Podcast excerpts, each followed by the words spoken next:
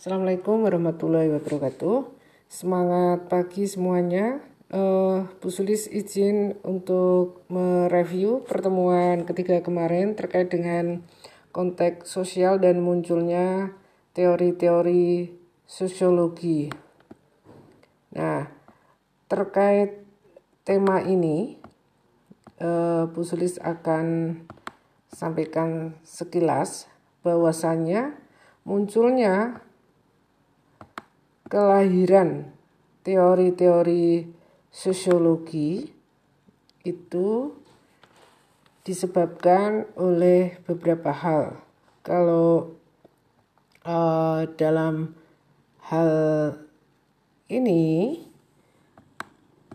disebutkan bahwa munculnya teori sosiologi itu disebabkan oleh faktor pertama terkait dengan renaissance, rebirth, ya, atau kelahiran kembali. Gerakan kebudayaan yang terjadi antara abad ke-14 sampai dengan 17. Beberapa fakta penting dalam hal ini diawali di Florence, Italia pada abad ke-14 Bagaimana posisi Florence saat itu yang sangat strategis sebagai kota tujuan utama migrasi para ilmuwan Yunani dan berbagai karya ilmiah yang menyertai jatuhnya Konstantinopel ke tangan bangsa Turki Utsmani. Kemudian uh, masih pada tahapan ini, ini lebih menonjol pada bidang sastra dan seni meskipun ada banyak kontribusi di bidang lainnya. Contohnya ini adalah Leonardo da Vinci dan Michael Angelo. Kemudian pada uh, masa Age of Reason, ini abad ke-17.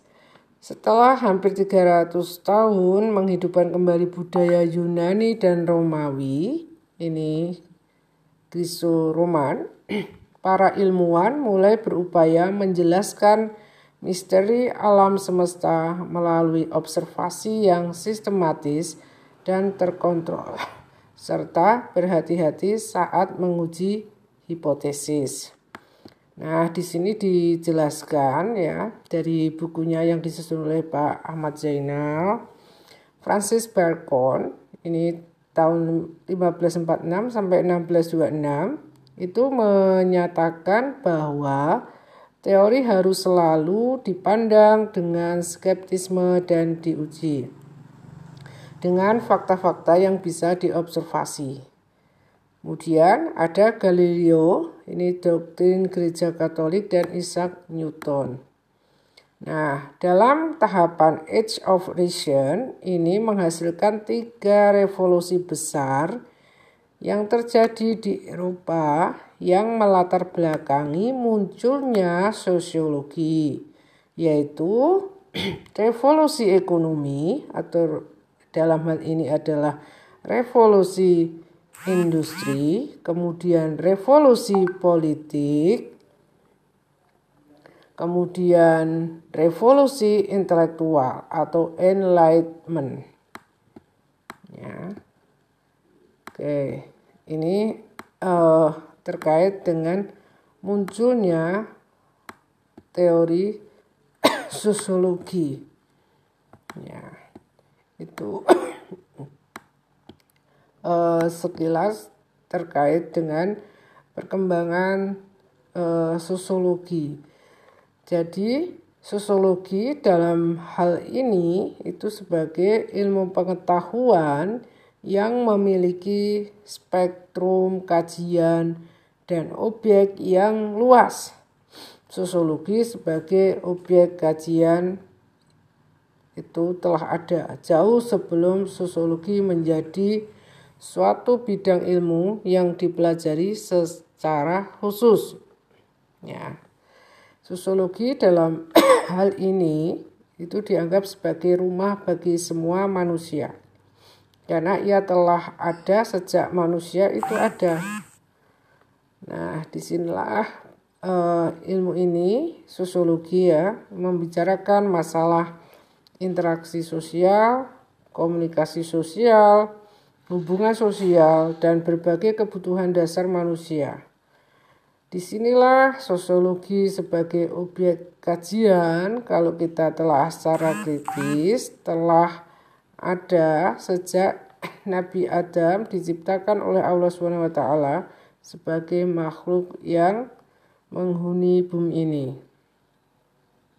Nah, kita lihat bagaimana sejarah dan perkembangan ilmu sosiologi.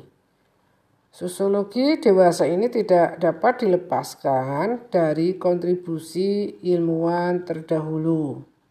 Nah, sosiologi telah menjadi bidang ilmu yang diminati oleh berbagai pihak, terutama ilmuwan agama untuk memahami teks-teks sosial. Ilmuwan Islam tidak akan lengkap pemahaman keagamaannya tanpa bantuan dan dukungan teori-teori serta metodologi sosiologi. Nah, ini ya. Fokus utama yang dikaji dalam uh, penjelasan tentang sejarah perkembangan sosiologi ini berpusat ya pendirinya pada Agus Kom. Ya, kemudian mereka mengembangkan sosiologi menjadi ilmu pengetahuan seperti Karl Marx, Emil Durkheim, dan Max Weber. Pemikiran-pemikiran inilah yang menjadi poros utama kajian sosiologi di saat ini. Betapapun ada perubahan dan pengembangan dalam teori dan metodologi, tapi kontribusi dan pemikiran mereka lah yang menjadi pusat studi dalam sosiologi. Nah, minggu lalu Bu Suli sudah sampaikan bahwasanya eh, kita mendiskusikan terkait dengan Ibnu Haldun ya. Ibnu Haldun itu yang sosiolog pertama kali yang memunculkan gagasan uh, apa namanya asobiah yang ada dalam bukunya yang berjudul Mukodimah. Nah, sosiologi ini uh, apa namanya uh, dipelajari secara khusus ya uh, oleh Ibnu Haldun. ya, tadi Bu sampaikan dalam bukunya Mukodimah. Ya, adakah teman-teman yang sudah eh, apa namanya mempunyai buku mukodimah yang hard copy ya kemarin Bu Sri sudah eh, apa namanya kirimkan beberapa e-book ya yang terkait dengan kajian sosiologi klasik. Nah, ini kemarin kita sudah diskusi tentang Ibnu Haldun orang yang paling berjasa dan menjadi pionir dalam pemikiran sosiologi. Haldun memperkenalkan dan menggunakan enam prinsip yang menjadi landasan sosiologi. Yang pertama, fenomena sosial mengikuti pola-pola yang sah menurut hukum. Pola tersebut tidak sekaku pola yang berlaku dalam alam fisik namun menunjukkan keteraturan yang cukup untuk dapat dikenali dan dilukiskan. Jelas ini merupakan pandangan progresif dalam konteks kehidupan manusia. Kedua, hukum-hukum perubahan berlaku pada tingkat kehidupan masyarakat. Nah, bagaimanapun masyarakat itu suatu sebagai suatu objek studi, sosiologi tetap ada tetap saja digerakkan oleh individu-individu yang hidup di dalamnya. Yang ketiga, hukum-hukum proses sosial itu harus ditemukan melalui pengumpulan banyak data dengan mengamati hubungan antara berbagai variabel. Pengamatan empirik atas proses sosial itu merupakan ciri khas dari gagasan Ibnu Haldun. Kemudian yang keempat, hukum-hukum sosial yang serupa berlaku dalam berbagai masyarakat dan eh, serupa strukturnya. Masyarakat dapat dibedakan baik dari segi waktu maupun tempat, namun juga ditandai oleh hukum-hukum yang serupa karena kesamaan struktur sosialnya. Nah, yang kelima, masyarakat ditandai oleh perubahan. Tingkat perubahan antara masyarakat yang satu dengan yang masyarakat lainnya tentu berbeda. Dan terakhir, atau keenam yaitu hukum-hukum yang berlaku terhadap perubahan itu bersifat sosiologis, bukan bersifat biologis ataupun bersifat alamiah. Nah, dalam konteks ini, Haldun memikirkan pengaruh lingkungan fisik terhadap penduduk di kawasan tropis dan pengaruh udara serta makanan. Menurut Haldun, Peradaban besar itu hanya muncul dari kawasan yang beriklim sedang. Udara panas menimbulkan kegembiraan. Makanan yang terlalu banyak mengandung zat tepung menjadi orang berotak tumpul.